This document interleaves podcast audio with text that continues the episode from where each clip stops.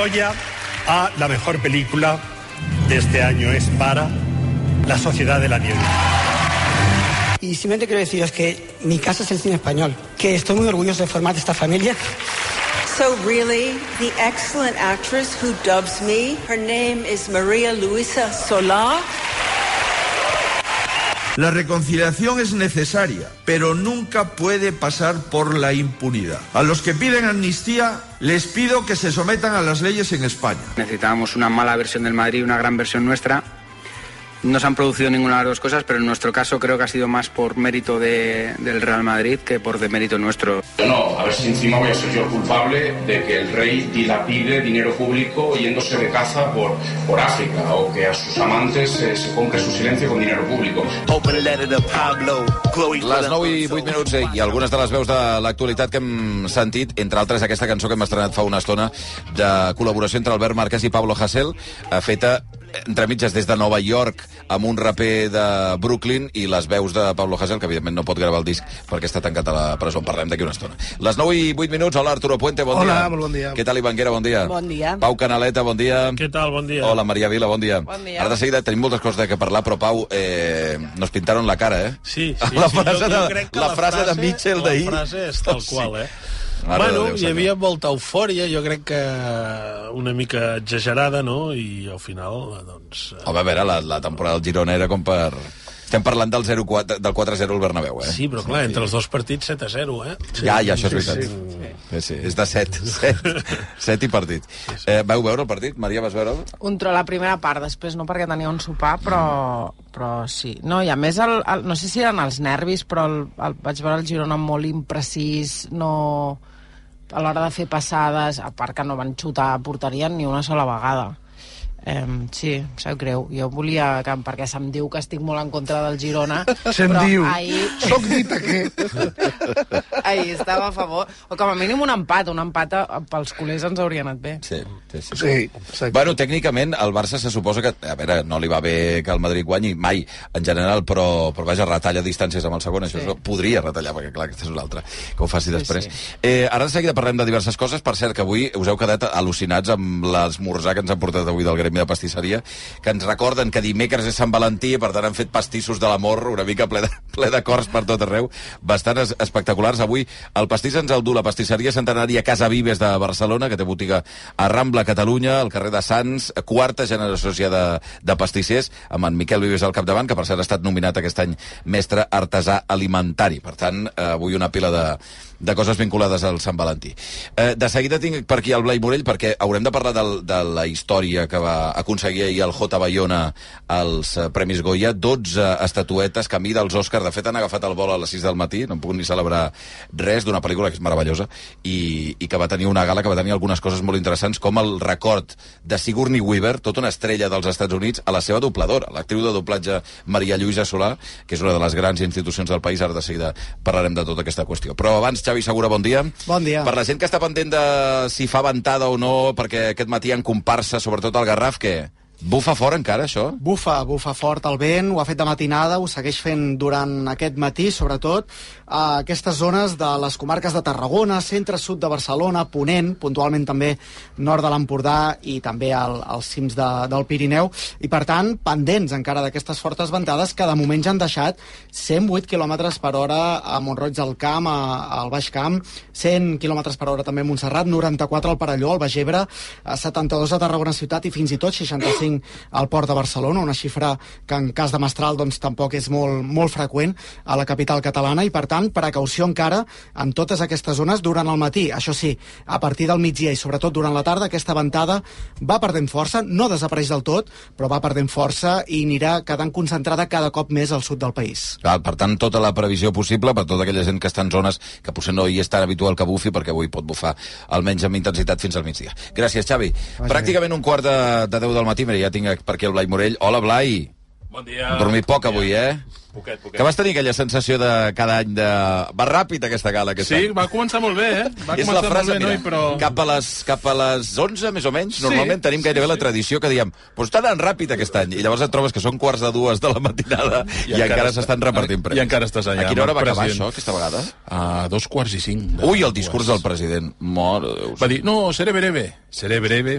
La mare del tant, 10 minuts allà, el tio allà, que no callava ni No, sota l'aigua. però a més en un mal moment, tinc la impressió. Com perquè... n'aprenen a fer? Com, com n'aprenen d'això? No, no ho A, entenc. fin, a la a recta final de la gala no pots posar el president allà a fer un discurs. home. Però, però no, no entenc com el mateix president, no? com el mateix implicat, Ah. no aprèn i sap que no pot fotre una xapa de 10 minuts, però ni de, ni de 5. Vull dir, has d'anar allà, felicitar tothom, dir que és, l'acadèmia és, és molt el seu important. moment, no, suposo. Bueno, però és un Sí, senyor però- que ve del món de l'espectacle, no del de futbol, saber, vull dir eh? que n'hauria de ser una I, miqueta i, ha de d'això. treballar, I ha de treballar una mica a favor d'obra, no? Que no està a casa d'un altre, que és lo seu. Dit això, d'aquí una estoneta, suposo que aviat, d'aquí mitja hora o tres quarts, tindrem les dades d'audiència. Normalment la gala dels Goya té molt bona audiència. Sí. Hi ha molt, normalment hi ha com dues vides. L'audiència i l'altra, les crítiques a les xarxes socials. Gala, per cert, que després ja ho parlarem a pantalles, eh? Mm. però eh, liderada pels Javis, no et faré fer cap comentari No, perquè que no. sé, que, sé que no va acabar d'agradar-te el paper, no. eh, però això ja és una cosa habitual amb vosaltres, en parlem després a les a quarts d'onze, però eh, la qüestió principal és eh, com una pel·lícula amb molt talent català, des del seu director fins a, a la gent que treballa al darrere, però amb pressupost gairebé hollywoodià, aconsegueix ahir un fet històric, que és la tercera pel·lícula més premiada de la història dels Goyas. La pel·lícula del, del J. Bayona és la, la Sociedad de la Nieve. Va ser el gran protagonista de la nit, tot i que hi havia gent que no s'ho esperava, no? No, jo, de fet, tenia els meus dubtes, eh? Que l'acadèmia reconegués d'aquesta manera Bayona. Sí, sí, dic, faran un altre al Carràs. No en el mateix nivell, perquè Carràs es va quedar a zero, uh Mhm. -huh. però, però diu, s'han portat els premis tècnics i para de comptar. Uh -huh. 7, 8, 9... Que ja són molts, escolta'm, però són la qüestió tècnica. Però hi ha el, aquell clic que fa el d'actor de repartiment i dius, bueno, Sí. ostres, potser encara... Aquí hi ha un debat, eh, perquè jo tenia el mateix dubte, i crec que amb el, després amb el Toni en parlarem, que la- l'acadèmia... perquè hi ha una frase molt bonica, a veure si podrem recuperar algun dels talls de, de Bayona. Um, Bayona estava emocionadíssim. Sí. Espera, que crec que tinc la Maria Cusó per aquí. Hola, Maria, bon dia. Hola, bon dia. Bueno, quina... bueno, va fer unes ploreres, Bayona, ahir, sí o no? Molt emocionat, estava molt emocionat de l'escenari, després quan vam parlar amb ell a la Catifa Vermella també encara estava molt emocionat i més va ser molt xulo perquè ens va dir, diu, no, a mi no em fa res plorar en públic, ho defensa la pel·lícula i jo crec que, va dir, jo no sóc d'aquests machirulos que creu que no s'ha de plorar, a la vida s'ha vingut a, a sentir les coses. Eh, sobre això, mm, jo, també, jo també tenia els meus dubtes per una cosa que va dir al final Bayona. Bayona fa unes quantes setmanes va passar pel programa i va dir un dels entre cometes, problemes que té la seva figura en l'actualitat, que és que se sent en terra de ningú. Perquè és un autor de Barcelona eh, format a l'escac amb un equip bàsicament català al darrere, però que ha tingut una incursió a Hollywood en dues ocasions importants, que és per fer Parc Juràssic per una banda i després per fer El Senyor dels Anells. No? Però són produccions, la, eh, eh, després d'aquestes dues i abans d'aquestes dues, produccions molt potents des d'un punt de vista formal i de pressupost que semblen grans produccions de Hollywood. Que no ho són, eh, la resta, perquè Hollywood ha fet dues coses, que són eh, Parc Juràssic i, la, i, el, i El Senyor dels Anells. Um, però ens deien al programa fa unes quantes setmanes jo em sento que quan vaig als Estats Units em tillen de l'estranger, no l'intrus que ve des de fora, i quan vinc per aquí em diuen, ah no, però tu estàs a Hollywood tu estàs a una altra lliga i per tant no formes part del, de la nostra festa, diguem-ne no? i d'aquí tinc la impressió que d'aquí el dubte de si a Bayona li reconeixerien eh, l'èxit des de l'Acadèmia eh, Espanyola de Cinema, que té algunes dificultats a vegades amb això, no? Una pel·lícula se'n va als Òscar com eh, Almodóvar, llavors mala relació no li dones al Goya, no? I ahir, en canvi, no va ser així. I en el moment del discurs, quan estava més emocionat, crec que és això el que va dir Bayona. Cuando voy fuera, eh, como español, con una película en español, vas, vas un poquito a veces como por la puerta de atrás, tienes que picar el doble de fuerte. Y cuando estoy aquí me da a veces la sensación de que se me ve como de otra liga. Y simplemente quiero deciros que mi casa es el cine español. Que estoy muy orgulloso de formar esta familia. Digues, digues, Blai. Pensa, Xavi, que el Bayona ha guanyat...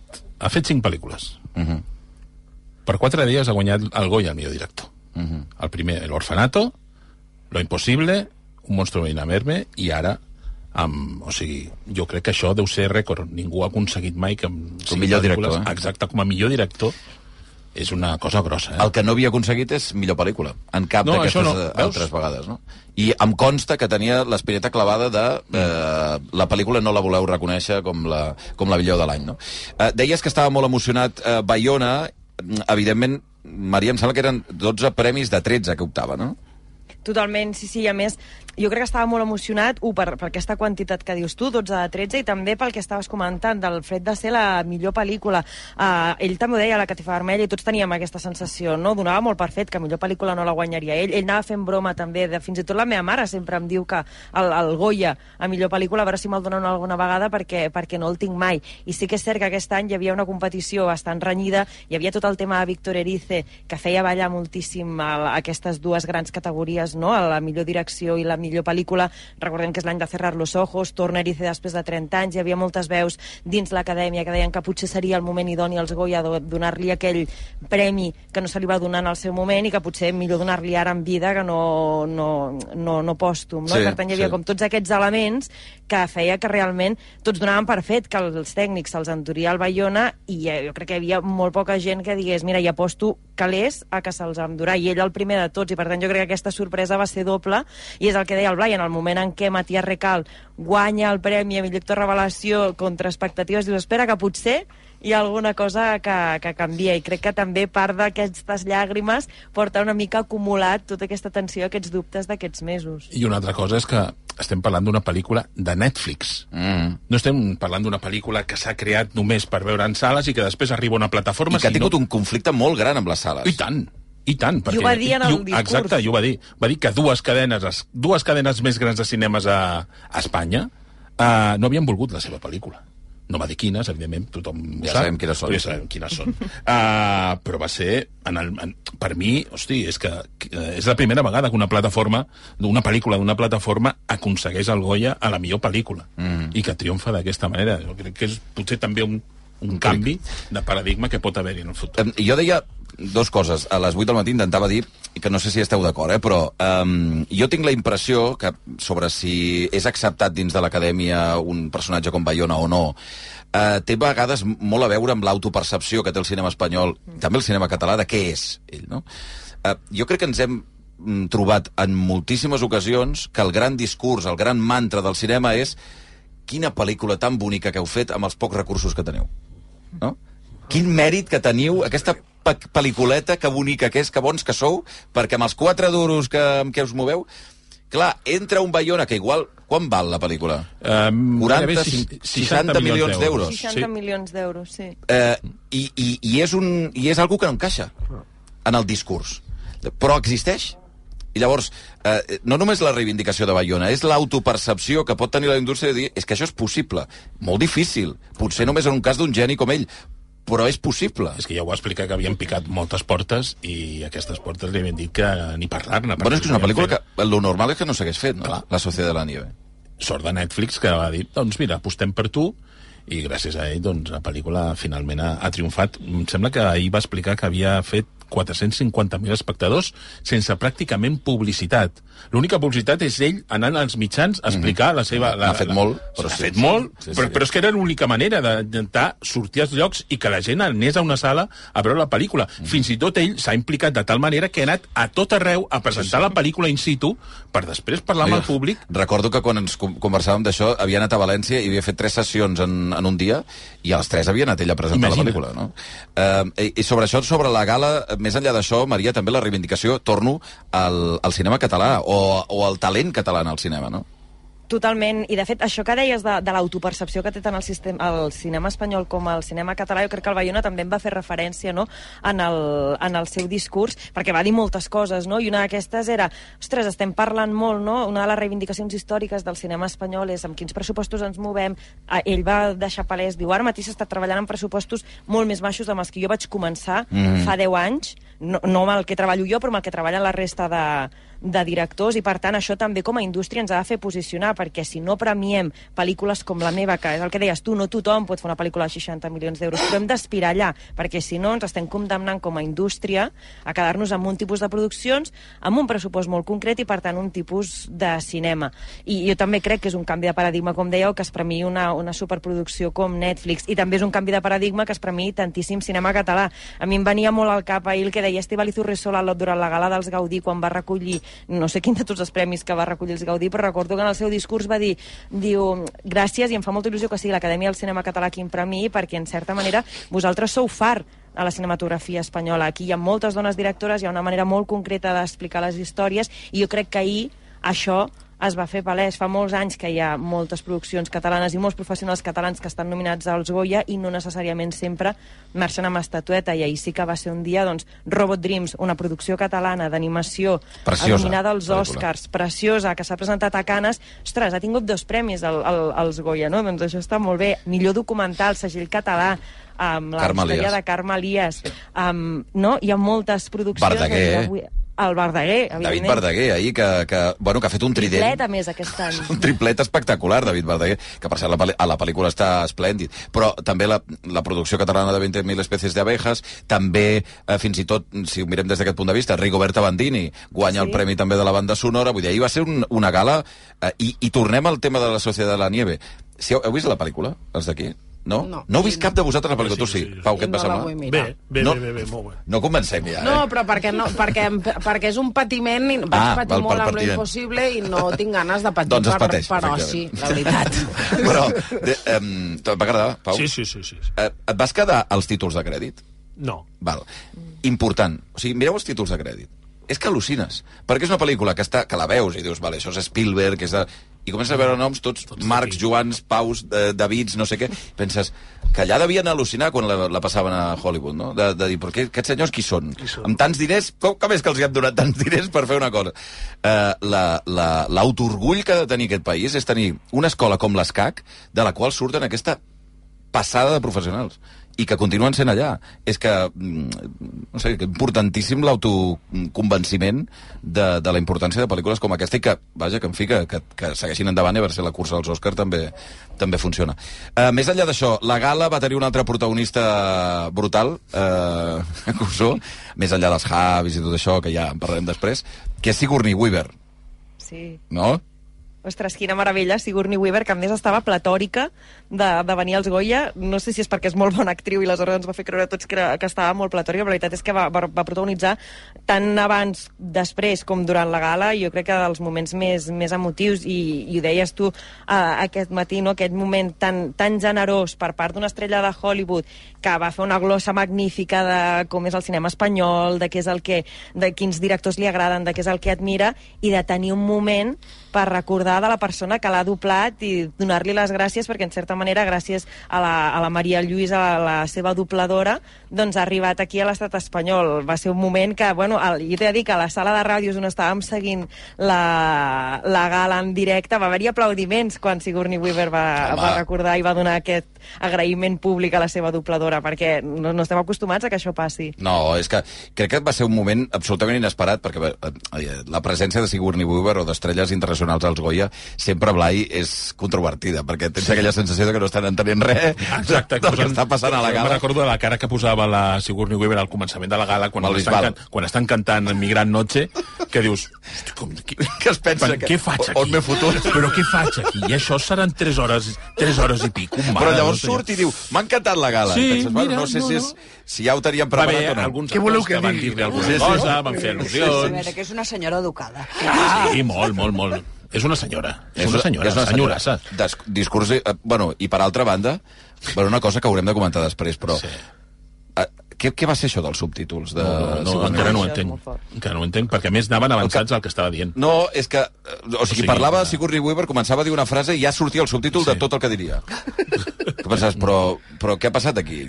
Bueno, va ser un spoiler bastant important del que anava a passar No, i és més, llavors va passar una cosa, que és que va improvisar per la meitat i, clar, no hi havia subtítols. No, quedar no no, vaig, de veritat que no vaig entendre res d'aquell moment, perquè No això es pot, no entenc. es pot doblar, no? que és una que s'ha fet tota la vida. Una traducció simultània d'una persona que està, està posant-li la veu i ja està. És que...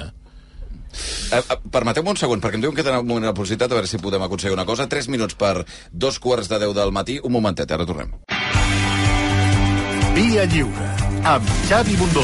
Dos minuts per dos quarts de deu. Som amb l'Arturo Puente, amb l'Ivan amb el Pau Canalet, amb la Maria Vila, també amb la Maria Cusó i el Blai Morell. Eh, parlàvem de Sigourney Weaver, d'aquest discurs que va tenir aquest moment, a veure si el podem sentir, el, el document, quan fa referència, per sorpresa, a la que ha estat l'actriu de doblatge que, que en fi que l'ha doblat durant tots aquests anys. I must mention my friend. Deixeu que mencioni el meu amic Bill Murray, que sempre em diu que les meves interpretacions són molt millors amb el doblatge en castellà, així que en realitat l'excel·lent actriu que em posa veu en espanyol hauria de ser aquí a l'escenari amb mi. M'ha doblat en més de 30 pel·lícules, començant per Alien. El seu nom és Maria Lluïsa Solà. Her name is Maria Luisa Solar. Maria, Maria, espero que estiguis veient la gala perquè t'ho agraeixo de tot cor. From the bottom of my heart. Gracias. Increïble, eh? És maco, eh? Maria Lluïsa Solà, bon dia. Ai, hola, bon dia. Encara estic emocionada i no m'ho crec, imagina't. Però què, estaves veient la gala? Sí, estava a casa, sentada, mirant, i quan va començar a parlar em vaig aixecar i vaig pensar, no pot ser. I em vaig quedar, de, em vaig quedar davant de la tele mirant com si estigués somiant i dic, sí, sí, sí, sí, ho està dient. I bueno, bé, emocionada i, i sorpresa i bé, molt maco que una persona com ella eh, reconegui la feina d'una persona que fa que, que, que la seva feina en un altre idioma mm, sigui fantàstica, doncs, bueno, eh, jo penso que és magnífic. I sobretot és una, donar, eh, bueno, que, que, que vegin que, que, que la professió de doblatge existeix, que no som invisibles i que, que estem. Però és, és que no és, I- gens, no és gens habitual, això, senyora Solà. No, que a més la primera vegada que em passa, i mira, mira, mira el temps que fa que... Mai, mai cap. Mira, si una cosa està malament, t'ho diuen de seguida. Però, ja està. ¿És veritat o no? Sí, sí, Et sí, diuen, sí. uy, esto, ahí le hemos fastidiado, eh? Però si queda bé, si queda bé no t'ho diuen. I clar, és, mm, bueno, és impressionant, és, eh, molt maco. Jo estic molt contenta. Quan... Molt contenta per mi, molt contenta per la meva professió, pels companys. Eh, bueno, estic feliç, la veritat. Quants anys fa que s'hi dedica això, senyora Solà? Uf, de sempre. Quina edat té? De sempre, de sempre. Tinc 85 anys, Oh, recién cumpliditos. home, felicitats, doncs, des d'aquí. Vuit- 85, i tota la vida vol dir que igual fa quantes que vaig dècades? començar, que vaig començar, doncs mira, als, als 18 o 19 anys. O sigui que ir de mica en mica i fent coses i, i, i, i bueno, anar millorant i coses que queden millor, coses que, coses que, que, que no estan tan acertades com tot, però, bueno, bé, bé, feliç amb aquesta feina que m'agrada. Continua fent-la. Sí. Sí, perquè aquestes actrius que jo doblo encara treballen. I, i, bueno, encara m'aguanten als estudis, vull dir. Senyor, senyora Solà, eh, jo li demano, o sigui, el dibuix... Escolta'm, tracta'm de tu, Ai, que, que, que- que em fa més jove. De, perfecte. Doncs, eh, Maria Lluïsa, eh, explica'm exactament. Jo vull saber en quina circumstància estaves, si estaves acompanyada, en quina situació, i què fas en el moment de la estava amb el meu marit i, Sí. i bueno, estàvem veient la, la gala i, i, i de sobte dic, ai, mira, la Sigourney, ai, mira, que, que bé, que no sé què i tal. I bueno, es va començar a parlar dic, s'enrotlla, eh? I, i bueno, es va enrotllar molt, eh? I, i bueno, i de sobte diu no sé què, de la veu, que tal, que m'ha doblat el, el Bill Murray, que molt bé pel Bill Murray, que li diu aquestes coses, o Sí, sigui sí, que, sí. que també sap, també sap el que diu. I, i bueno, ja va, va començar a dir, i bueno, és quan em vaig aixecar i, i allà com una tonta mirant a la tele a veure que no s'escapés, que no fos una, una visió, mm, jo què sé, nocturna. Però eh, m'imagino que el, tel- el telèfon devia explotar, no? Sí, la veritat és que després, bueno, tots els companys, els amics i uh, la família, mm, bueno, bé, bé, molt bé, molt maco, molt maco. La veritat és que molt maco. I estic molt contenta perquè mm, és, és, a- aquesta vegada ha estat per mi, però, bueno, això és per tota la professió. I, i és maco que et reconeguin i que, i que et diguin molt bé, tants anys, però bueno, la feina ha estat ben feta i bueno, a tots ens agrada, no? La frase aquesta... No per, no, no, no per l'ego, no, no, Mhm. per, perquè has fet bé la teva feina i, i ja està. La frase aquesta de que hauria de ser amb mi, jo vaig pensar, Maria Lluïsa, agafa un cotxe i ves fins a Valladolid i puja a l'escenari i roba-li el premi a la Sigourney. Perquè Mare meva, seria, mare meva. seria molt bonic que després d'això poguéssiu tenir algun tipus de contacte. Jo la veritat és que vull intentar-ho, vull a veure de trucar a l'organització.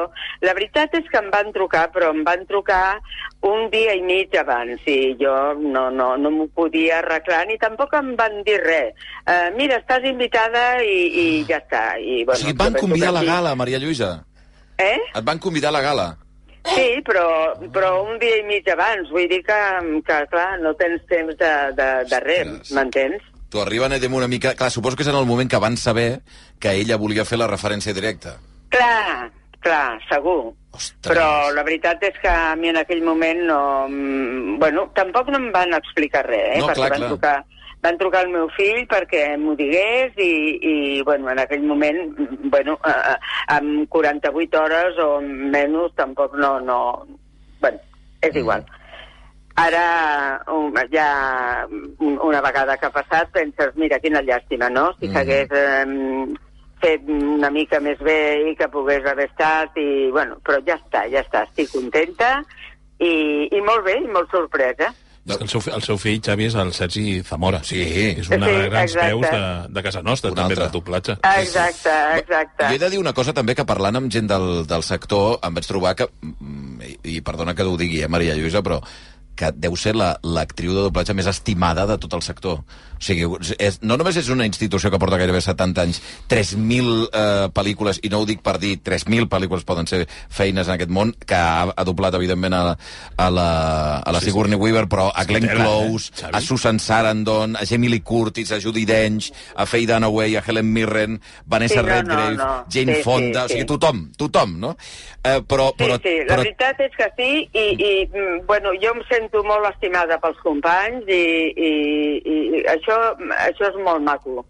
I, bueno, eh, no sé, eh, estic bé amb tots ells i ara es treballa d'una forma molt diferent, no, treba, no treballem junts i, i és una mica, bueno, més osso, no? Però, però bé, bé, mira, estic molt contenta.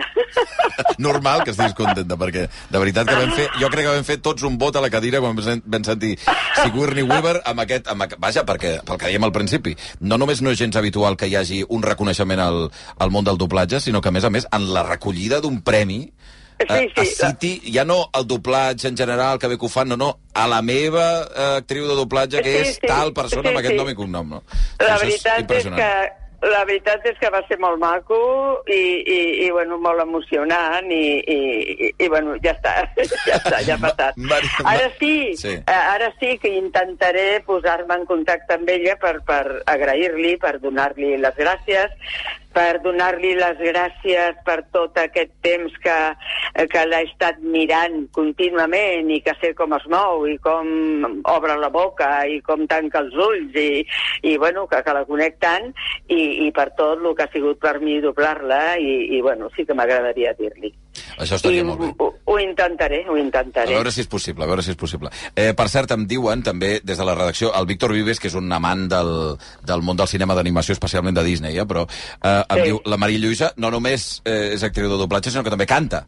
Eh, I, per exemple, eh, hi ha un moment a una de les últimes pel·lícules, bueno, dels, que és molt bonica, preciosa, que es diu Baiana, i ens han Sí. tret aquest document, mira. M'agrada el ball de les ones i la ressaca i el vent.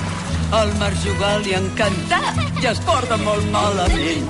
La gent pot dir que sóc boja o bé que no sóc del tot, però quan saps el que t'agrada ja ho tens tot. Quina veu, eh? Quina veu. Quina veu, que, tota com la reconeixes, eh? Això, això els, els, els mestres musicals fan virgueries avui dia. Eh? perquè, No hi ha autotune perquè aquí, no hi ha- un to. Aquesta pel·lícula, Sí. aquesta pel·lícula, el doblatge en català, el va fer l'Enriqueta Linares. Mm -hmm. Però l'Enriqueta, mm, de cantar, mm, res de res. I, i bueno, m'ho van dir tu i tal, i bueno, som molt amigues, i vaig dir, oye, ¿qué te parece? I em va dir, sí, sí, sí, perfecto, perfecto, que jo nada, nada. I, i bueno, ho vam fer i, i, i gràcies al, al mestre musical, eh, perquè... Però bueno, molt maco, va quedar molt maco. Baiana 2, eh, do, dobles o no? Mm, no, Val. Eh, no, que No. Potser el personatge, que era la iaia, que sortia allà, que era fantàstica, estupenda, potser no Ja. sortia a, la, a Baiana 2, però bueno. ja, ja, ja. Maria Lluïsa, de veritat, ha estat un plaer, un privilegi poder-te saludar. Moltes felicitats. Gràcies, no només per la gràcies. feina de tots aquests anys, sinó a més a més per la, pel reconeixement que almenys es pugui fer també Exacte, des de exacte, des d'un àmbit tan gran com els Goya. Una Però abraçada bueno, ben forta. Una abraçada ben forta, Maria Lluïsa. Solà. Gràcies, maco, una abraçada per Adéu-siau. tots. 9 i 39 Adéu, minuts. adéu. Que gran que és. Que gran que és. Maria Lluïsa Solà. Però és veritat que les coses, que, que sempre es diuen les coses dolentes Sí. i mai es diuen les coses Sí, bones. molt d'acord, molt d'acord. A veure si comencem a dir les coses bones, també. I després perquè hi ha una... eh, Hi ha un corrent, que jo l'entenc, eh? Mm. que és antidoblatge. Mm? I, I existeix, perquè es considera... Jo sóc dels, dels que considero que les pel·lícules s'han de veure en versió original. Però eh, també hi han és, és, un, és, un, és un peatge. Tu, tu has de pagar un peatge, un peatge quan mires una pel·li que no és en el teu idioma. Sí. Sigui un o sigui un altre. Quan tu mires una pel·lícula amb subtítols, també perds coses. Exacte.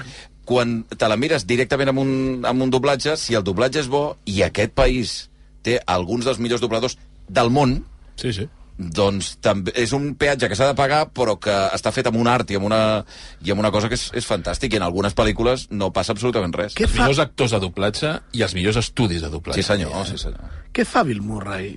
Veient Sí, sí, pel·lícules sí. doblajes? Jo- jo he pensat Imagina't el mateix. Bill Murray, eh? No, més que No? no. Vull dir, és una, és No una és parafília respectable, però molt rara, eh? Sí, sí. No, i que no és gaire elogiós cap a la seva amiga dir-li amb tu en versió original perds, millor que et posi la veu a algú altre. No, però em sembla molt bo també el comentari, no? Ho fan molt millor, les, o sigui, les teves pel·lícules són molt millors quan estan en castellà. Bé, uh, 5 minuts i 3 quarts de, de 10 del matí. Gràcies, Maria, eh? Que t'hem fet llevadora A i hem de dormir. Però bueno, una abraçada, que vagi molt bé. Que vagi bé. Bueno. Blai, d'aquí una estona parlem una Sí, altra vegada, eh? Parlem amb els bojos aquells, a veure si que els hi ha A semblat la gala. a diuen ja aquests. veig a venir... Ja que- veuràs, prepara't, eh? No anirà, no anirà bé, Prepara't. o sigui, no anirà bé, perquè... Què, li va agradar a algú la gala? Spoiler. Sou uns pesats, de veritat. 5 minuts i 3 quarts de 10, fem una pausa i de seguida continuem. Vinga. Via Lliure, amb Xavi Bundó. 3 minuts i 3 quarts de 10 del matí, doncs això, spoiler, a partir d'aquí una horeta aproximadament vindran els pantalleros a fer anàlisi de la gala, valoració i, i evidentment, parlar de les estrenes de, de la setmana. Bé, um, som avui amb l'Arturo Puente, amb l'Ivan Guerra, amb el Pau Caneleta, la Maria Vila. Quina sorpresa el que ens explicava l'Arnau Manyer, el, el, el corresponsal, un dels corresponsals de rac a Madrid, que va ser en una conversa molt reduïda de periodistes amb eh, alguns amb unes, algunes fonts dels... Jo crec que té a veure amb el seguiment també de la campanya de les gallegues, amb algunes fonts de, de càrrecs importants del Partit Popular, de fet era l'únic mitjà català que hi era, a rac i aquesta... eh, Això que surti ara de cop que el Partit Popular obre la porta a l'indult a Carles Puigdemont. I al mig d'unes eleccions gallegues on s'ho juguen tot, eh? Sí, sí, sí. i on han decidit voluntàriament parlar d'aquest tema. És a dir, sí, sí, ells han volgut fer de la campanya gallega una campanya en la que es parlen de temes espanyols, catalans, diguem-ne, indult, Puigdemont, està tota l'estona per allà ficat, amb la idea, jo crec que errònia, que això li perjudica sobretot al, al PSOE, al, al PSOE de, de Galícia i també a Ana Pontón, de la que diuen tota l'estona que és amiga d'aquells secessionistes. Jo crec que això pel votant del BNG com un got d'aigua. Vull dir, mm. és amiga dels secessionistes, ja ho sabem. És veritat que el, que, el, que el socialisme és una mica diferent, però tampoc jo crec que li, que li facin massa mal. Jo crec que hi ha, bàsicament, dues... Estem tots igual d'estranyats, crec, que ningú no sap què ha passat aquí. Eh, jo crec que hi ha, bàsicament, dues o tres hipòtesis. La primera és, el, tot se sabrà, que va dir Carles Puigdemont en una carta que va enviar els, eurodiputats fa eh, tres dies, no? el dimecres. Eh, el, el Puigdemont i Junts estan molt emprenyats amb tot el tema de la trama russa. Consideren que, que, que, que, que d'això se'n parli a instàncies europees els deixen un cantó molt, molt estrany, molt estrany d'explicar-se fora. Eh, recordem que tant Convergència, eh, Convergència, la Convergència històrica, com ara Junts, és un part, són unes posicions clarament atlantistes, i el volen, no, favorables a la Unió Europea, favorables a la OTAN, i ells volen lluir això, i per tant, qualsevol connexió, que per cert va existir, diguem aquells emissaris russos, amb el Kremlin els hi fa mal, els hi fa molt de mal. No? Uh, aleshores, després d'això, ell va enviar una carta a tots els eurodiputats mm. on deia moltes coses, i, una de les, i que, però acabava dient com, en el, com la trama russa, com en el cas rus, tot se sabrà. No? Parlant del que... Tu creus que aquest tot se sabrà referia a les converses que ha mantingut Sí, sí. amb Núñez Feijóo Sí, sí. per la investidura? Sí, sí. Ho deia I amb clar. les possibilitats de... Llavors, una possibilitat és que sigui una voladura controlada. Mm Mhm. -hmm. Si estem en una campanya molt important de les eleccions gallegues i Puigdemont pot explicar alguna cosa Mhm. que hem ofert, no? com a PP, que l'hem ofert, que l'hem ofert en aquelles converses, Mhm. doncs sortim nosaltres abans a, a explotar-lo abans que... Permetem un segon. Uh, Arnau Manya, bon dia. Hola, bon dia. Bé, eh, primer de tot, felicitats, Arnau, eh, perquè ha fet el seguiment eh, d'aquesta informació. Eh, insistim que, que l'Arnau ha estat present en aquestes converses molt reduïdes amb grups de periodistes, eh, l'únic mitjà català que hi era rac eh, Ens pots explicar què és el que diu el, aquestes fonts, què és el que exactament diuen aquestes fonts del Partit Popular?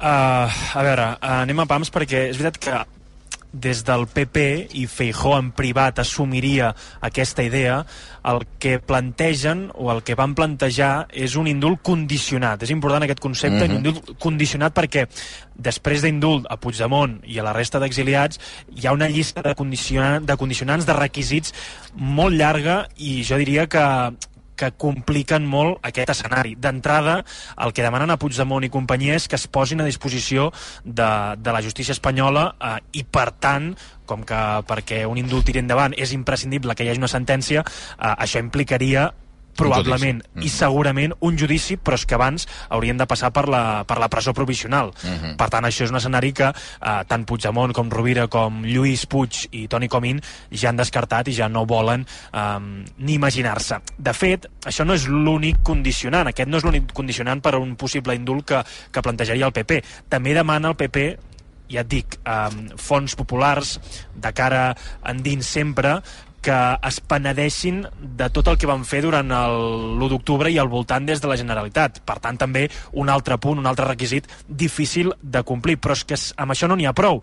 També demanen des del Partit Popular que, que hi hagués un compromís verbal, per escrit, no concreten ben bé com, per no, per no, tronta, no tornar a fer trontollar eh, l'estat de dret com considerem des del PP que va passar el 2017. Per tant, sí que és un escenari mm, surrealista, jo diria, bastant mm, sorprenent, però que a la vegada porta un contrapès que fa difícil que el PP accepti un possible indult a Carles Puigdemont i, i companyia. És veritat que això jo també ho interpreto uh, un contrapès de l'amnistia, un contrapès del discurs Mhm. socialista i un contrapès a això, el que deia l'Arturo ara mateix, uh, intentar-se avançar el que pugui explicar Carles Puigdemont de les negociacions que, hi van haver uh, a l'agost de l'any passat durant les negociacions per la investidura de- d'Alberto Núñez Fijo. Clar, però en l'escenari el que tenim és un Partit Popular que el que hem vist públicament ha estat no a l'amnistia, eh, Sí. no a l'indult, quan s'ha produït. De fet, signatures contra els indults. Va haver campanya de signatures contra els indults. Manifestacions. Se rompia Espanya. Eh, exacte, l'amnistia també. I ara, per molt que siguem condicionants, la possibilitat de deixar-ho obert al damunt de la taula. De fet, eh, també ha explicat en les últimes hores, i aquesta successió de fets és interessant, Núñez Feijóo ha reconegut que van, no, no diria negociar, però van parlar de l'amnistia. Van parlar de Sí. l'amnistia Junts per Catalunya, no?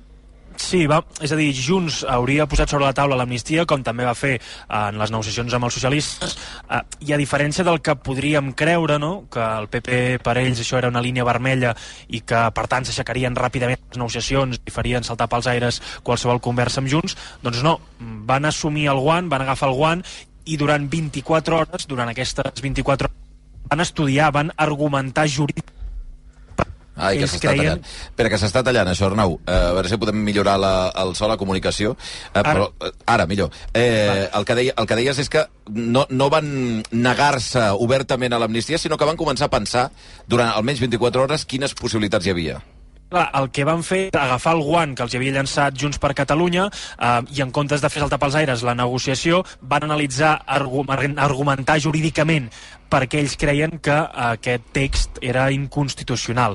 Uh, sí que és veritat que, segons diuen aquestes fonts del PP, i de fet ahir Alberto Núñez Fijó en públic deia que no van durar ni un dia aquestes negociacions, o no van durar ni un dia uh, a respondre que no a l'amnistia, um, però sí que és veritat que sorprèn que el PP en aquelles hores es plantegés mm, mirar la lletra petita per si això tenia un encaix legal i, per tant, eh, no descartava d'entrada que això fos un element d'intercanvi en la negociació per la investidura de Feijó. És que fixa't, això és un hat-trick.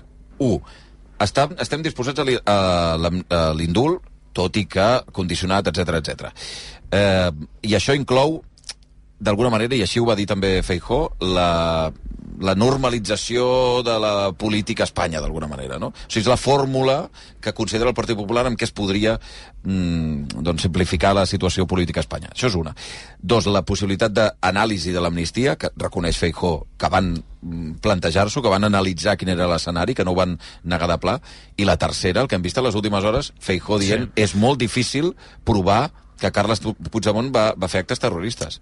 Sí, Feijó no ho ha dit obertament, però és veritat que des del PP també assumeixen que, tot i el discurs que Feijó fa en públic, que és um, terrorisme i actes terroristes, el que va passar el 2019, tot i això que públicament diu Feijó, en privat, des de la direcció del PP, des de l'entorn de Feijó, assumeixen que serà molt difícil provar que Carles Puigdemont uh, va cometre un delicte de terrorisme o estava vinculat en un delicte de terrorisme. Per tant, també aquesta um, bicefàlia entre el discurs públic i el discurs en privat. Jo, jo, jo no sé si li puc fer una pregunta. Sí, pregunta-li. Quan en aquest corrillo, en aquest off the records que vau fer... Compte, compte, a veure si has de... de No, no, no, no, eh? no que digui res, eh? No, no, no. L'actitud del PP era de... Es notava que volien dir això o va sorgir el tema al mig de la conversa? Mira, ens hem de situar en que efectivament estem seguint la campanya electoral a Galícia, que estem anant i tornant Madrid, Santiago, Santiago, eh, tota Galícia, i que anem parlant mm, en diverses ocasions amb diferents responsables del Partit Popular. Eh, jo, si m'hagués de mullar, crec que eh, si, si ho volien dir, van fer molt bé eh, el paper. És a dir, si ho volien dir, si volien fer aquesta voladura controlada, eh, van amagar molt bé les cartes o van fer veure que no era el que volien venir a vendre. Pot passar? Sí, pot ser. Pot ser que ells volguessin controlar aquest missatge, aquesta possible amenaça de Carles Puigdemont i que aquesta fos la seva idea principal. A mi em costa de creure que en plena campanya electoral gallega, quan la majoria absoluta no està ni molt menys assegurada, um, surtin amb aquesta bomba uh, voluntàriament. No t'ho puc assegurar, perquè això és una conversa amb diferents persones del Partit Popular, um, però uh, aquesta és la sensació, que no era voluntària aquesta voladu- voladura.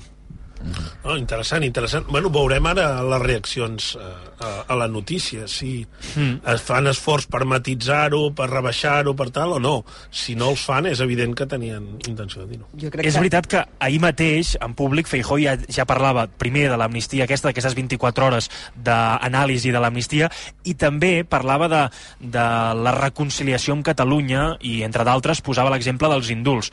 I feia una llista del que haurien de fer imprescindiblement els independentistes, en aquest cas a l'estranger, per, per assumir aquest indult començaven a, com a mínim, parar el cop perquè sabien el que es publicaria avui en diferents mitjans de comunicació.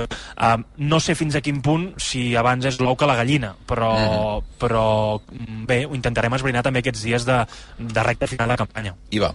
Sí, jo crec que... Um, a veure, per, per, per posar una mica el marc, quan el, el, aquest estiu i després sobretot al setembre es va començar a parlar dels, dels contactes que havia mantingut el PP amb Junts, sobretot a l'estiu, quan el, el, el president del PP català surt a les xarxes criticant que és així mm, que Feijó parlés obertament i González Pons defensés Junts i tot allò, i després quan surten els contactes, el que ens deien al, al PP català era, la part que era contrària a aquests contactes era això ho pagarem perquè quan tu has constatat que has parlat amb algú, del que has parlat, del menú d'aquella conversa, només ho saps tu i aquella altra persona, però poden mentir com, tant com vulguin o poden apretar-te tant com vulguin.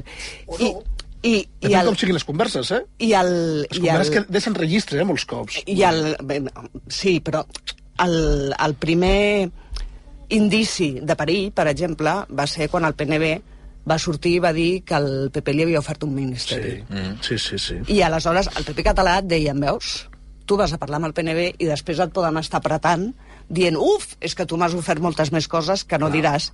I ningú més que tu i ells sap qui és la realitat, quina és la realitat.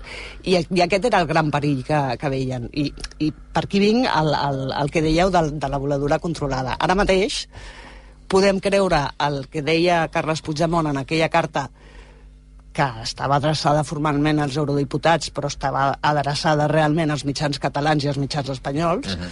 perquè no va anar a la sessió del Parlament Europeu. Però després els hi va escriure... I ens, Sí, sí. És una carta feta per, per, per, parla.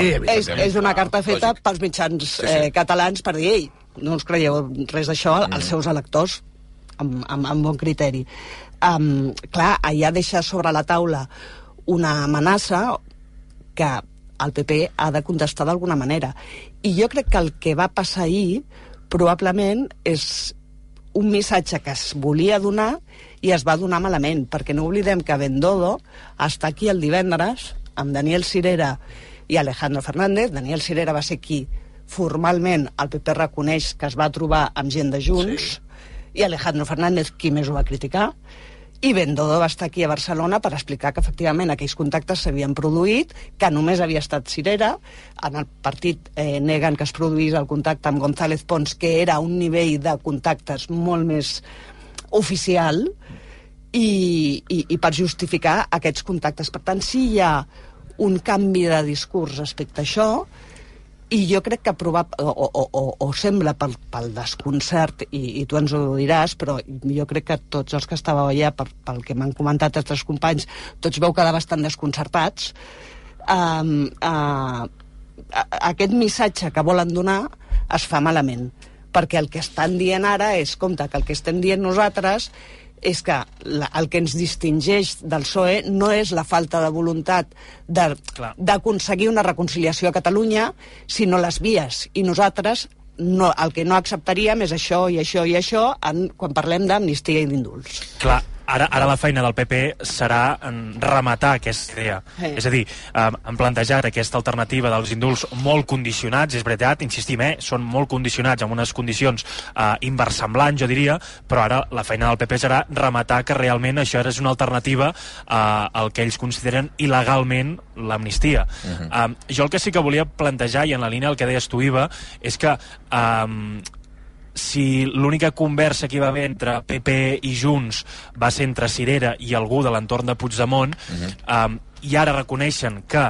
Junts va fer una proposta d'amnistia, um, a mi se'm fa difícil de creure, i amb tots els respectes per Daniel Cirera, que Junts, o l'entorn de Puigdemont, entregués una idea tan potent com l'amnistia a un regidor de l'Ajuntament de Barcelona, quan les negociacions són a, a nivell d'investidura espanyola. La malícia en persona, Arnau Mañé. No, jo plantejo, jo plantejo aquest dubte.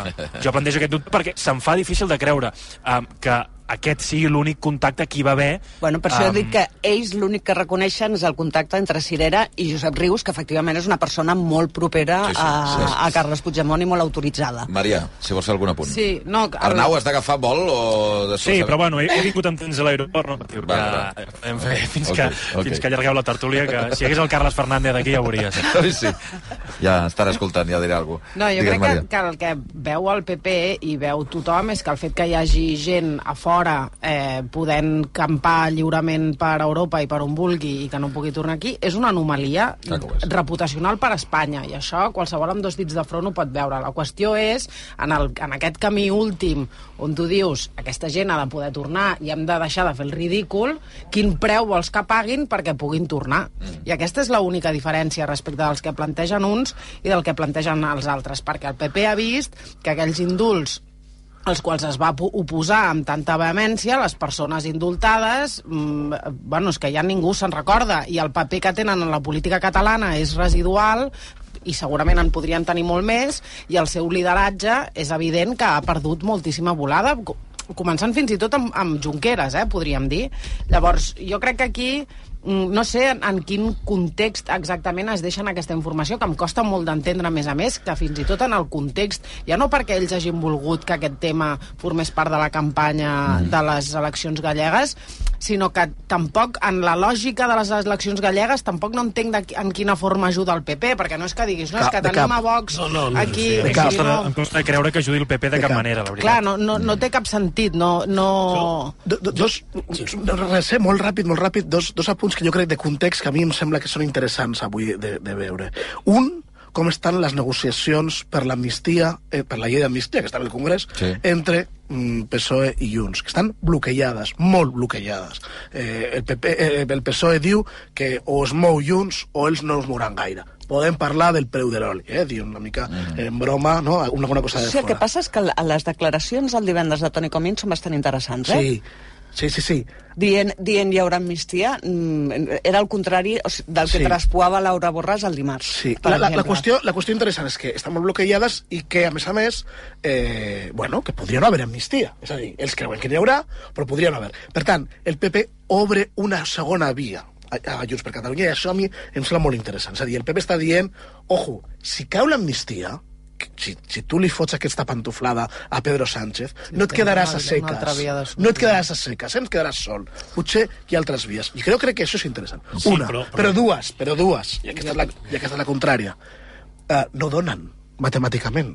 És que eh, el gran problema, el gran elefant a l'habitació, és que el PP necessita alhora a Vox i a Junts i, o al PNB. I això eh, no, no, no, és, és, una, eh, és una aritmètica que, que no s'ha vist enlloc que pugui sortir, perquè si li dones un, si li dones un indult o una qualsevol mesura mínimament de gràcia, mínimament d'estendre la mà, Vox no estarà amb tu per fer una investidura. Per tant, això eh, cau pel seu propi pes. Però jo, jo crec que, que la, el que ha passat aquí, des del meu punt de vista, és que s'han solapat coses. És cert, el que deia la Maria de que el PP ho podia veure abans i, i no ho ha vist. Per tant, jo entenc que no és tant una qüestió de reputació, sinó que és un pur interès. És a dir, el Partit Popular jo crec que ha arribat a la conclusió que no pot deixar que Junts per Catalunya, com el PNB i tal, estigui al bàndol de l'esquerra. No ara, a llarg termini. Eh? Sí, I per sí. tant comença a treballar això. Què ha passat? Que segurament se li ha esclatat, se li ha anat la boca i ha fet aquesta... Bueno, ha intentat emmarcar-ho, aquesta voluntat controlada, però és cert que de fons hi ha això. Sí, sí, sí. Hi ha un intent, entenc jo, de no eh, seduir, és obvi, eh, Junts per Catalunya ni tal, si almenys que no siguin hostils, almenys que no sumin sempre amb l'esquerra, perquè els números no els hi surten, no ara. No, mai. però, Eh, properes. Jo crec que... Però creieu- I, i, Ah, i, digues, Arnau. No, o sigui, puc fer una pregunta? Sí, perquè, o sigui, pregunta. uh, creieu realment que un índol amb aquestes condicions, que insistim, són indus, in condicions uh, bastant potents i bastant impossibles, exacte. Creieu que realment això pot uh, no. No. ajudar No. o pot li volia suggerir preguntar- alguna cosa junts? I, a, més, I a més estem parlant de que Junts no, no demana un indult pels polítics, sinó que està Clar. amnistia és tots Clar, els clar, encausats, clar. etc. De fet- Però sí que és cert que és un camí a llarg termini. Vull dir, jo crec que hem de mirar és, la és jugada... un senyal, no, no, és, no és la solució. És una, és una senyal, que és un senyal que envia. Però és que, Jo de crec fet, que perdona, eh, jo, jo un apunt eh, abans hi va. Ho hem dit des del principi, que alguns dels principals beneficiats perquè es normalitzés la situació a Catalunya són el PSOE i el PP. Eh, I tant. Bueno, de fet, I segurament els més importants, Clar. els més beneficiats. El Partit Popular en algun moment de la seva trajectòria voldrà tornar a pactar per arribar al govern d'Espanya amb les forces de centre-dreta espanyoles. Estan pensant en Sí. això. Amb el PNB ni que sí. Sí, eh? PNB o- encara. o- Sí, el que passa és que el que, el que està oferint ara el, el PP o el que està posant sobre la taula el PP és, és demanant-li a Carles Puigdemont que faci, per tenir una imatge que tenim tots clar, el que va fer Anna Gabriel que és menjar-se les seves paraules, tornar i posar-se a disposició del Tribunal Sí, del, del diferent, Suprem. Home, home, home, clar. i surt Clar. el, Sí, el sí. Carles no. Puigdemont sí, sí, perquè se però el, que, però, però el que li està demanant és exactament això. Jo el que li volia preguntar a l'Arnau, perquè, perquè és una cosa que em vaia pel cap i no, i no sé si és només un, una cabòria meva, tinc la sensació que, uh, tu que estàs seguint la, la campanya, que Núñez Fijo està parlant tant de política espanyola i la política espanyola ara passa per, per Catalunya a Galícia i s'han fet aquest repartiment de, de papers amb rueda perquè, perquè potser a Galícia es troba més còmode agafant-se aquest paper de líder nacional del PP. És a dir, eh, i, i, i potser aquesta comoditat l'ha fet patinar, però que, que se sent més segur i que, ha de, i que necessita rellençar el seu paper com a líder nacional del PP. Què dius, Arnau? Sí, és veritat que en els discursos, és a dir, a nosaltres el que ens arriba, evidentment, perquè també jo destaco els talls que, o les, els, els moments dels discursos que fan referència a Catalunya, a la política espanyola, eh, però és veritat que en aquests discursos Feijó fa eh, meitat i meitat, o fa bona part dels discursos també parlant de Galícia, parlant de temes eh, sobre Galícia. Què passa? Que moltes vegades, quan parlen d'inversions a Galícia, condicionen eh, la inversió de l'estat espanyol, de la Moncloa. Per Mhm. tant, condicionen el xantatge, segons ells, de l'independentisme a Catalunya. És a dir, que parlen de Galícia, Feijó també parla de Galícia, Feijó també eh, planteja els reptes de la Junta, però sempre els acaba vinculant eh, al discurs o a la política estatal, a la política espanyola, que en bona part passa per Catalunya i per l'independentisme. Llavors, sí que és la manera aquesta del contrapès de Rueda centrant-se en temes gallecs i Feijó en temes espanyols, però, home, Feijó també també entra i també sent còmode, còmode, còmode jo diria, en, en el debat gallec, bàsicament perquè ell va governar durant 15 anys o durant Però- eh, tres legislatures eh, a Galícia. I alhora s'està fent com a candidat nacional. Sí, sí, sí. sí però, però Sí. és bastant inexplicable. eh? És a dir, per aquesta campanya no s'entén el rol de nacionalitzar la campanya gallega. Mm -hmm. És No, a dir, i a més, eh, disculpeu. el Feijó va arrasar doncs, sense sigles del PP, És- és- només parlant de Galícia. És una estratègia, és una estratègia raríssima. Espera, que l'Arnau està més lluny. No, digues. és que justament abans de començar la campanya parlàvem amb, amb l'entorn de Rueda, parlàvem amb l'entorn de Feijó i ens deien, mireu, si parlem i si centrem el debat en temes gallecs no tindrem cap problema per aconseguir la majoria absoluta. I ens ho deien dir directament aquí. Si parlem, si centrem el debat en la Junta, si centrem el debat en Galícia, no ens costarà aconseguir, o no ens costarà, potser no ho deien literalment, eh, però que aconseguirem aquesta majoria absoluta. Um, què passa? La sorpresa nostra és quan arribem aquí i quan veiem que pràcticament bona part del discurs gira al voltant de l'amnistia i de l'independentisme. Perquè s'està fent com a líder nacional. No, no, i portar... Fe... I no, però portar Ayuso, portar... Això no té cap sentit. Però és que fer-te com a líder nacional... Va, jo estic Ayuso se'n va sola, eh? Jo estic Bueno. d'acord en la... Home, però d'acord vols dir que no, el la pots, no li pots dir no, no vas a Bueno, Galícia? bueno, Sí, no se li pots dir. Doncs el candidat gallec segur que li pot. Doncs Déu-n'hi-do. Eh, eh, De, no, de totes formes, que jo, que jo entenc perfectament que jo entenc perfectament la visió de que s'està fent com a líder nacional, però és que si perden Galícia, No, no, com a clar, líder és- nacional, és- ni com a és- líder és- de és res, una- se'n va a casa seva. És una, O sigui, és una equació això és- absolutament endiablada per Feijó, és perquè endiablada. necessita guanyar aquesta campanya, però necessita guanyar-la fent-se ell com a líder perquè nacional. Feijó, perquè el problema de Feijó és que no controla del tot el partit. Clar, però, la, però segurament semblaria estrany, i suposo que acabàs per aquí, que, anés, que Feijó anés a Galícia i no parlés de del que ell... Exacte. Perquè llavors el teu lideratge dins del PP també queda tocat. I si tu creus realment que està, has d'aprofitar i que tens un PSOE molt tocat a nivell espanyol per culpa de l'amnistia, doncs entenc que vulguis aprofitar això. Ara, l'aposta l'estàs pujant i el preu a pagar, si te la fots, serà molt més I, gran. mi- i mireu BNG com va pujant, és a dir, al final eh, jo entenc que no, el problema de Feijó no és fer-se com a líder. El problema de Feijó serà fer-se com a líder després de guanyar Galícia. No guanyar Galícia. Si no si no guanyes guanyes Galícia, Galícia- no hi ha líder. Eh, per tant, mm, Les 10 i 7 minuts. Arnau, eh, ja per acabar. El PP, a aquestes alçades, després de les enquestes que estan publicant-se i que, i que en deu tenir internes, tens sensació que està tement la derrota Galícia? Uh, jo diria que no. És a dir, uh, la derrota segur que no, la perdre la majoria absoluta derrota... uh, ho contemplen. Clar, sí, sí, sí, sí, sí, quan sí. dic derrota vull dir no governar, Sí. és a dir, perdre la majoria absoluta. Sí, sí, que efectivament seria una derrota no, no governar la Junta, una derrota i de les grosses per Rueda, però també per, per Fijo. Uh, ho contemplen, sí, uh, públicament uh, assumeixen que han d'anar tensionant, i això ho diuen literalment, tensionant els seus votants perquè s'activin i perquè ningú es quedi a casa, però uh, les seves enquestes internes sí que van a la baixa, sí que estan al voltant dels 40, 39 diputats, recordem que la majoria és a 38, van a la baixa, però de moment no se'ls veu nerviosos com per perdre la majoria absoluta. Això t'ho dic um, amb contactes que hem tingut abans de publicar aquell, el que publicàvem avui. Mm -hmm. um, no sé fins a quin punt, Veurem. si això els hi preguntem a partir de demà, de dimecres o de això, mitja setmana, si la cosa canvia i, i comencen a tenir algunes enquestes que van més a la baixa. Un incís més Sí. en, aquesta, en aquesta equació um, Isabel Díaz Ayuso està previst que vingui a Galícia a partir de dijous. Dijous i divendres farà campanya a Galícia. Isabel Díaz Ayuso, dijous a la tarda en Rueda, diria que a Vigo, i dilluns, perdó, divendres al matí a Sola, a, Pont, a Sant Xenxo, a Sant Xenxo en un esmorzar informatiu. Per tant, també caldrà veure com entra en escena aquest final de campanya a Galícia Isabel Díaz Ayuso. Gràcies, Arnau. Una abraçada.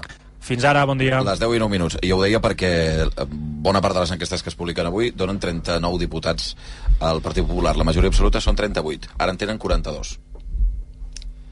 39 diputats són majoria absolutíssima, no sí, sí, cap problema. Però la forquilla... La forquilla, per exemple, en el cas del país, parla de 36-40. Al mig, un peu, un, un, peu, un peu en cada banda. Sí. 10 i 10 minuts. Eh, res, donem dos minuts de pausa i de seguida passo un moment per Madrid també, perquè a veure com estan els ànims eh, del Girona. Vinga. Via Lliure, amb Xavi Bundó. Dos minuts per arribar a un quart d'onze del matí, avui acompanyats d'Arturo Puente d'Ivanguera, de Pau Canaleta, Maria Vila, menjant de pastissos de... Cors, menjant cors. Menjant, Menjant cors, cors. Menjant de. Sant Valentí, Sí. com si no hi hagués demà, eh? Arribarem a Sant Valentí amb, un, amb una de sucre, Home, home, home. molt, no? Home, sucre important. ensucrats com nosaltres sols. Sí, de- sucre necessitaran a, a Girona. Hola, Miquel Agut, bon dia.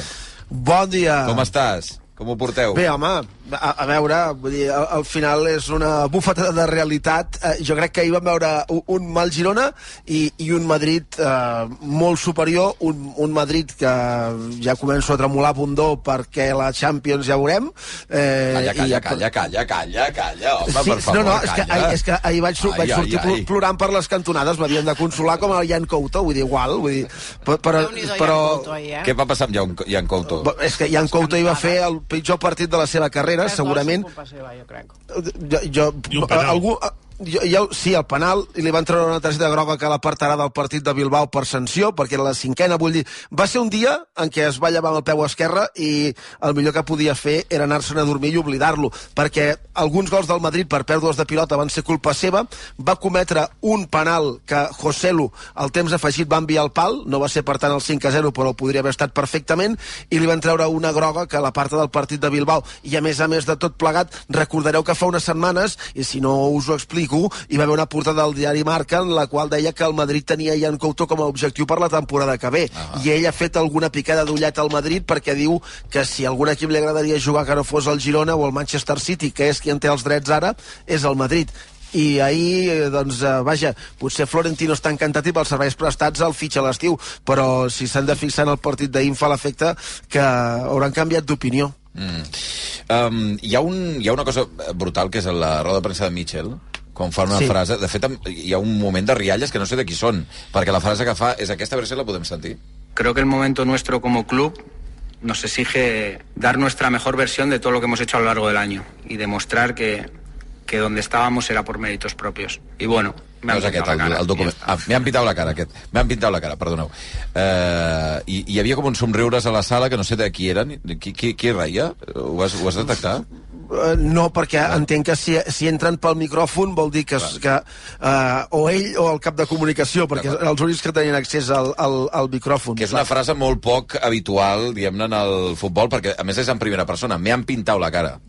Eh, eh, és que, a veure, jo crec que la roda de premsa de, de, de Mitchell d'ahir eh, és una roda de premsa de les millors de la temporada i és en la derrota i en una, i en una gran topada. Eh, per començar, Mitchell fa el que feia Cruyff d'alguna manera, reculant molt enrere, i si em permeteu la comparativa, que és que el dia que es guanya, guanyen els jugadors i el dia que es perd, assumeix la responsabilitat, es posa ell per davant, protegint sempre els jugadors.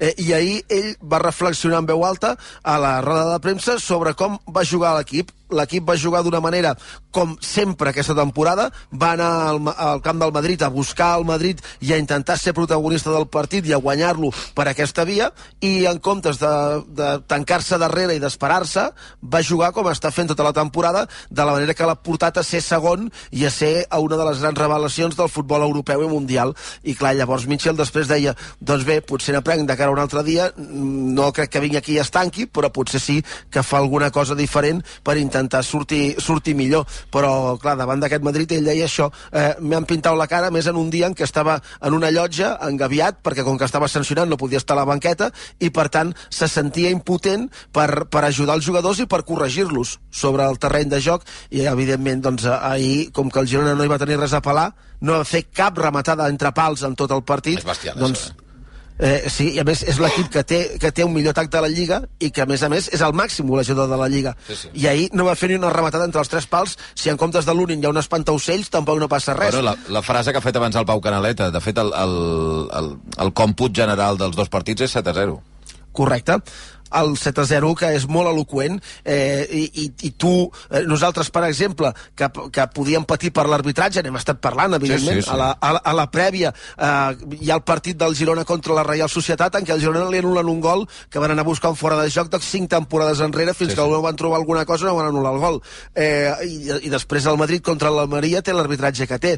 I penses, home, clar, potser després et guanyen i es distancien, però és que en tot el procés hi ha hagut alguns condicionants que han permès que no fos el rival qui es distanciés. Però clar, quan et fa un 7 a 0 en dos partits de parcial, Sí, sí. no pots dir gran cosa, has d'acotar el cap, continuar treballant i felicitar-los. També és veritat que el, el Girona no havia mai públicament deixat de defensar que lluitaven per ser la Champions. Sí, sí, sí, i, i de, de fet, eh, jo crec que eh, Mitchell no, no, hauria, no hauria canviat eh, el discurs, ahir en parlàvem, en cas de, de victòria, però sí que, que s'hauria mantingut eh, intacte, diguem-ne, que el, el somni, o si més no, aquest horitzó de poder-hi pensar. Ara, quan veus eh, com et superen ahir, fins i tot m'atreviria a dir que el resultat és curt, perquè el Madrid es posa 4-0 al quart d'hora de la segona part i queda mitja hora per davant. I si arriben a estar una mica més fins per a la banda potser hi acabes amb un set en blanc, per exemple, i això encara, encara hauria fet més mal, però, clar, eh, al final amb, amb això has de, has de frenar encara més el discurs. Eh, la intenció del club aquesta setmana eh, a nivell comunicatiu és eh, aturar-ho tot una mica, eh, tornar a col·locar-se a lloc. Eh, ha estat una setmana molt, molt activa, gairebé de... Eh, partit d'equi- d'equip gran, cosa que el Girona no és, futbolísticament sí, però no és un club gran de primera divisió, i amb aquesta bufetada eh, es rebaixaran moltes coses al club i es començarà a parlar de la Lliga de Campions, perquè ara mateix el Girona té 11 punts més que l'Atlètic de Bilbao, que és el primer que el pot fer fora de la Lliga de Campions. L'Atlètic de Bilbao ha de jugar, juga al camp de l'Almeria demà, no ha guanyat cap partit l'Almeria, i el següent partit del Girona és al camp de l'Atlètic de Bilbao, un dels millors equips de la Lliga, aquest dilluns no l'altre. O sigui que cal encara picar molta pedra per jugar la, la Lliga de Campions i, i jo crec que això serà com un toc d'atenció. També Michel ahir diu que els permetrà tocar de peus a terra aquest resultat contra el Madrid i la manera com s'ha produït. A mi, a mi el que em va sorprendre és la, la competitivitat del Madrid i l'enxufats que estaven, eh? Vull dir, estaven molt, molt I conscienciats. això va amb la anaven- línia del que deia la ara del Champions, eh? Sí, no sé, però anaven molt a la idea i hem de tenir en compte que anaven sense centrals, eh? és a dir, hi havia Sí. Carvajal i en això, per tant, en principi, hauria de ser més fàcil, però no, i Però és que anant dir- com una moto i Sobre a la aquesta ca- temporada, eh, Sí, sí, sí, sí, sí. el Madrid ha tingut tants o similars impediments físics que el Barça. Perquè, vull recordar, perquè ara ens n'hem oblidat, és començar la temporada i perds el porter que és el millor porter del món, Mm. reconegut per tothom. I el perds per tota la temporada. Segon, perds el millor defensa que tens. I el perds per tota la temporada. Militao i... Ara no sé el nom. I Àlava. I- No, i, No, i, perdó, el i, porter i, el, i Courtois eh, Ah. cauen. A partir d'aquí construeix l'equip tota la temporada. No, no, però hem de reconèixer que Ancelotti això ho fot bé. I després a mi em va pensar, fer pensar molt amb el Barça. Quan fan el primer gol, dic, bueno, això serà una carnisseria, sí. perquè tu vas a l'atac i eh, són terrorífics. No, i que físicament són unes bèsties, o sigui, el segon, crec que és el segon, no?, de, de Bellingham, que arranca des d'una passada pràcticament des de la seva àrea, allò no, jo crec que no hi ha ara mateix cap equip a la Lliga que, que tingui aquesta potència.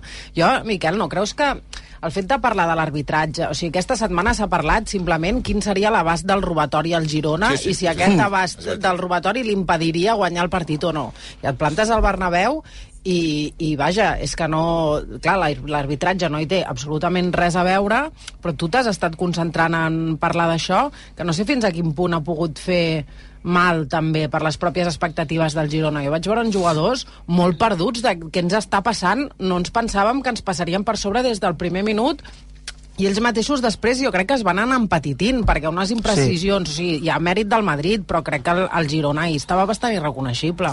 Jo, jo crec um, que, a veure, que al, al final el que passa ahir és que, com que el rival és tan superior, tu busques excuses, excuses, o intentes trobar alguna explicació, eh, que per mi l'explicació és que el Madrid és molt superior sincerament, perquè hi ha hagut partits, per exemple, eh, i això al Barça de Guardiola li passava, al Girona aquesta temporada li ha passat, en què quan ha guanyat bé i jugat d'una manera brillant, els rivals deien, oh, és que potser ha faltat intensitat. No, intensitat no, el rival t'ha passat per sobre i ja està, no? Quan jugues tan bé i superes tan clarament el rival, sembla que el rival no hagi competit, que s'hagi absentat. No, i és que el rival no ha tingut resposta perquè tu has estat molt bé. I això és el que li va passar per mi ahir al, al, al Madrid, perquè, per exemple, fa uns dies va guanyar Getafe amb solvència, sense despentinar-se, i el Getafe és un equip que juga un futbol oposat al del Girona. I, per tant, sigui quin sigui el registre, el Madrid és prou camaleònic com per respondre davant de qualsevol escenari que se li plantegi en aquesta temporada a la Lliga.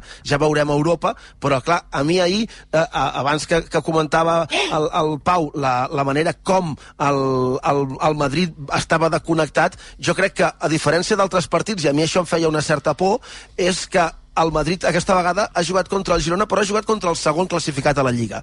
El Madrid ahir jugava per trencar la Lliga, contra l'equip que el perseguia i que si el guanyava es posava líder. I no jugava contra un equip que fa dues temporades jugava a segona divisió. I per mi aquesta és la diferència. Altres vegades el Girona ha vingut aquí i com que no tenia aquest cartell i no va omplir el Bernabéu com sí que el va omplir ahir, doncs el que va passar va ser que el Madrid va entrar al camp, bueno, ja guanyarem, ja farem un gol, ja ens ho trobarem, i el Girona va anar fent. Però és que ahir no va donar ni la més mínima opció al Girona per, per aconseguir espantar-los. I a més va ser un dia rodó perquè van acabar ca cantant um, Así gana el Madrid, que és el que havia cantat sí, Montilivi en el partit contra la Real Societat en el moment de les targetes grogues, vaja, de la groga a Blin i la vermella a Mitchell, i a més a més Xavi queda té o sigui que ahir va ser un dia pel madridisme però per acabar brindant i anant a dormir tard. Interessant avui el que passi també eh, per acabar amb el Barça, perquè vull recordar que després del partit d'ahir entre el Madrid i el Girona, el Madrid és líder amb 61 punts, ja són eh, 5 els de distància amb el Girona, que és el segon, i el Barça, si guanya, es posaria a 3 del Girona. Evidentment li queda llunyíssim al Real Madrid en tots els aspectes, ja no només amb la puntuació, però eh, el, des del punt de vista blaugrana pot ser que retalli distan- té l'opció de retallar distàncies amb el, amb el segon. I llavors mirant avall vindria ja l'Atlètic de Madrid amb dos punts menys que el Barça i l'Atlètic de Bilbao amb cinc punts menys que el Barça. Eh, I acabo amb això. Eh, continua sent i ho veuen bé la possibilitat de- d'entrar a la Champions al Girona la temporada que ve o pot haver-hi un efecte mm, mental dur després de la derrota amb el Madrid? Jo crec que no, jo, jo crec que uh, uh, en algun moment uh, has de passar alguna turbulència. I això uh, to tothom, ho veia, tothom ho veia clar, dir, al final és, ets, el, ets el Girona. I bé, és un tram de calendari, Real Societat a casa, Madrid a fora i Atlètic de Bilbao a fora. Són partits molt exigents i aviam què en surt, però jo crec que és un equip que futbolísticament ha trobat prou respostes com per poder reaccionar eh, jo crec que més a la curta que, que a la llarga. Ara un parell de dies per descansar i desconnectar, perquè els partits contra el Madrid o contra el Barça ja no només són el partit, sinó tot l'embolcall de la prèvia i segons com el postpartit, etc etc i se'n parla molts dies, són els partits més llargs de la temporada, sens dubte, i ara pensar en l'Atlètic de Bilbao, un rival directe, aquest partit, deia Mitchell, el d'ahir, ha servit d'aprenentatge per la resta de la Lliga i aviam si veiem el Girona que hem vist durant tota la temporada i acaba entrant a la zona de la Lliga de, de Campions de cara a la temporada que ve. Eh, Europa jo crec que gairebé es pot donar per fet perquè a més el Reial ahir va perdre i per tant el Girona eh, jo crec que eh, entre els 6-7 primers i, i, i serà però és clar, tenint en compte que el Girona ha estat són 24 jornades amb 23 en classificació de, de Lliga de Campions, si al final acaba jugant l'Europa League serà una petita decepció per molta gent, evidentment, perquè has estat tota la temporada a la Lliga de, de Campions i has vist la pilota estelada a la gespa de Montilivi la temporada que ve durant més de mitja Lliga. Però veurem què passa. Jo crec que la posició de Lliga de Campions l'acabarà mantenint el Girona. Gràcies, uh, Miquel. Una abraçada forta. Una abraçada a tots. Adeu. Uh, ens acostem a dos quarts d'onze del matí. Refem un, un minutet de pausa i de seguida tancarem tertúlia amb una cosa que us hem explicat aquest matí, que us hem avançat. Una cançó feta des de Nova York sobre Pablo Hasél amb la veu de Pablo Hasél. Eh, en aquest cas, per un músic català que viu, eh, músic de jazz eh, català que és molt activista, políticament activista i que ha fet des de Nova York amb la participació d'un raper de Brooklyn una cançó que incorpora també Pablo Hasél eh, vinculat des del el viatge a la presó. Per què? Doncs perquè Albert Marquès, que és aquest eh, músic català, eh, ja havia fet un disc sobre el fet de la presó amb un pres nord-americà que està al corredor de la mort, va fer un disc amb ell i es va trobar, de fet, més facilitats per fer el disc amb un senyor que està al corredor de la mort que no pas amb, amb Pablo Hasél, que és una presó catalana. 3 minuts i dos quarts d'onze del matí, de seguida tornem.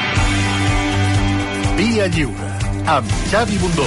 Un minut i dos quarts d'onze del, del matí. Tancarem aquesta tertúlia amb una, una qüestió que us hem llançat eh, a aquesta hora, de, ai, a primera hora del matí i que podeu consultar també a, a raco.cat. Eh, us hem avançat un, un tema nou, musical, una cançó, que ha incorporat eh, i que, en què ha participat Pablo Hasél des de la presó, que es publicarà, de fet, oficialment demà i que eh, s'ha fet sobretot des de Nova York. La cançó es diu Open Letter to Pablo Hasél i sona així. No, a ver si encima voy a ser yo el culpable de que el rey dilapide dinero público yéndose de caza por, por África o que a sus amantes eh, se compre su silencio con dinero público. Yo no soy el culpable de eso, yo me limito a contarlo como, como lo han hecho tantísimos medios. Entonces, si hay que pedir prisión para cada medio que haya contado esto, pues, pues no, no habría suficientes cárceles y son hechos objetivos, independientemente de que uno sea... És una cançó on Hassel no pot interpretar, no canta, eh, sinó que sonen fragments de les declaracions que ha fet davant del jutge. Per tant, la cançó, en realitat, l'ha fet el músic català Albert Marquès eh, i també Pablo Hassel, però amb el raper de Brooklyn, Samuel Omar. Open letter to Pablo, glory for the untold. Watch it unfolds. Power to the people, bring it to the light. See it all get El exposed. tema es publica coincidint amb que aquesta setmana farà 3 anys de l'empresonament de Pablo Hasél per injúries a la corona i per enaltiment del terrorisme. L'Albert Marquès, qui és l'Albert Marquès? I vam parlar fa unes quantes setmanes. Ell és un pianista de jazz que viu a Nova York des de fa molts anys i que es va fer famós fa uns anys per compondre cançons i fer un disc amb Keith Lamar. Keith Lamar és un pres que porta 30 anys al corredor de la mort i ha fet un projecte que es diu Freedom First i que està provocant a través de l'activisme que no només es vagi ajornant aquesta execució de Keith Lamar, sinó a més a més que, que de fet s'obri un debat al voltant de, del seu futur. Albert Marquès, molt bon dia des de Nova York i moltes gràcies perquè és la matinada allà. Hola, molt bon dia. Sí, són les, les dos quarts de cinc del matí. Bon dia. Dos quarts de cinc del matí, t'ho agraeixo moltíssim. Gràcies per, per despertar-te per despertar i, i atendre'ns. Uh, primer de tot, això ens ho vas mig anticipar quan vam fer l'entrevista fa unes quantes setmanes, ens deies mm, estic pensant en col·laborar amb Pablo Hasél. Sí, sí, sí, sí, gràcies per tornar-me a tenir al, al programa. Um, uh, avui per fi podem presentar aquesta nova cançó que surt al voltant del tercer aniversari del seu empresonament. Com va anar això? És a dir, qui et contacta, com, és el que, com es produeix això, o quin interès tens tu en la figura de Pablo Hasél? Uh, jo he servit al cas i crec, crec que molts catalans i sobretot músics fa anys que sentim el seu nom i, i sentim a parlar de la seva situació, que és uh, com a mínim xocant. Uh, I uh, quan, de fet, el, el, jo era a Catalunya quan van haver totes les protestes i, i vaig assistir i, i estava interessat en el seu cas de feia molt temps i fa més o menys un any, no callarem, que és l'organització que dona suport a molts artistes que tenen problemes amb la justícia per les lletres de les seves cançons em va, em va contactar i va facilitar doncs, que el pogués eh, visitar a la presó i, eh, i conèixer-lo. Eh, va ser llavors quan vaig tenir aquesta idea i vaig veure que podríem fer alguna cosa on jo sobretot volia mostrar la solidaritat del món del rap a Nova York, que és on era el hip-hop, envers ell. Mm. Um, clar, una persona com tu que ha fet discos eh, com el, de, el que vas fer amb Keith Lamar amb un pres que està ell participa no, en aquest pres a Keith Lamar el, eh, en el disc que vas fer sobre el seu alliberament eh, en aquesta persona que està al corredor de la mort tu has fet disc amb el sistema penitenciari, que ja sabem que és molt complex als Estats Units, um, per fer una cançó amb Pablo Hasél, per on has hagut de passar? Sí, eh, eh, no, no, no he pogut, no he pogut fer una cançó ta, tal com faig amb el Kid Lamar. Com molt bé has dit a la puc fer un disc amb el corredor de la mort a l'estat d'Ohio, però no amb un pres català eh, que es troba en aquest centre penitenciari eh, de Lleida. Amb el Kid fem gires, ara en farem una per Estats Units i per Holanda, Espanya, Itàlia, i el que fins i tot pot trucar en directe durant els concerts, interviure en els concerts en directe. Qualsevol pres que es troba a Catalunya doncs no, no puc en- enregistrar les trucades, no les puc fer servir. En el cas del Pablo, crec que ja s'ha parlat molt de la seva d'expressió quan ingressa a la presó, però crec que no hem parlat de que tampoc té llibertat d'expressió un cop és ja eh, en el centre. L'estudi de gravació en el qual es troba fins i tot té un estudi de gravació que hauria pogut fer servir per això o per algun altre projecte i ell és, que jo sàpiga, l'únic pres que no té permès fer servir l'estudi de gravació del que disposa el centre penitenciari on es troba. Um, què hagués passat si hagués gravat uh, una cançó d'amagat o fent servir algun sistema? Doncs si, si hagués fet servir, si hagués enregistrat les trucades l'haurien sancionat. I des del teu punt de vista, que tu vius als Estats Units i que has fet unes crítiques immenses, de fet el teu últim llibre va sobre el sistema penitenciari nord-americà, eh, què, què et genera que, que sigui més fàcil que una persona que està al corredor de la mort o en una presó nord-americana pugui participar d'un projecte a l'exterior que no pas un pres que està a Catalunya? ha creat eh, frustració, no? El, el... Sobretot jo crec que hi ha una contradicció també. Eh, deixa'm dir també que, que jo he tingut altres experiències molt diferents en altres presons de la Generalitat, on sí que se m'ha permès eh, fer projectes amb presos. És una cosa que se li fa molt específicament al Pablo i molt específicament en aquesta presó. I el que jo eh, he sentit sobretot, i, i, i així ho he expressat a les persones que he pogut parlar de la Generalitat, és que, és que no entenc, no entenc per què aquella, una institució que ha sigut liderada i que és liderada per partits polítics que han defensat públicament el Pablo Hasél, que han, que han denunciat que hi ha una falta de llibertat d'expressió a l'estat espanyol, doncs que s'han solidaritzat amb ell, que sigui aquest mateix govern o, o aquesta mateixa institució que faci que el Pablo no, no tingui bàsicament llibertat d'expressió un cop és a la presó. A mi em sembla una contradicció que és important posar sobre la taula. Uh, acabo i et deixo tornar a dormir, Albert. Aquest raper uh, que canta la cançó, que és Samuel Omar, qui és i per què recorres a ell? Per què ha cantat ell la cançó?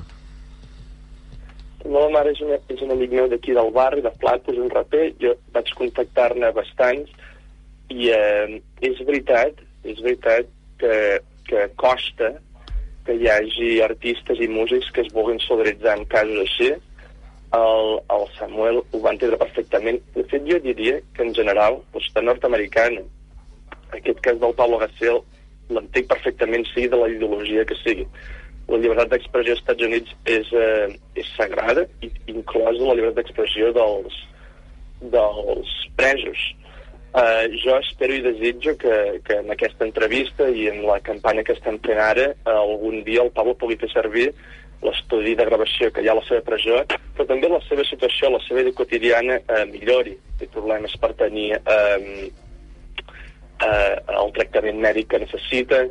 I està en una situació en la seva vida quotidiana molt complicada i, i espero que això millori.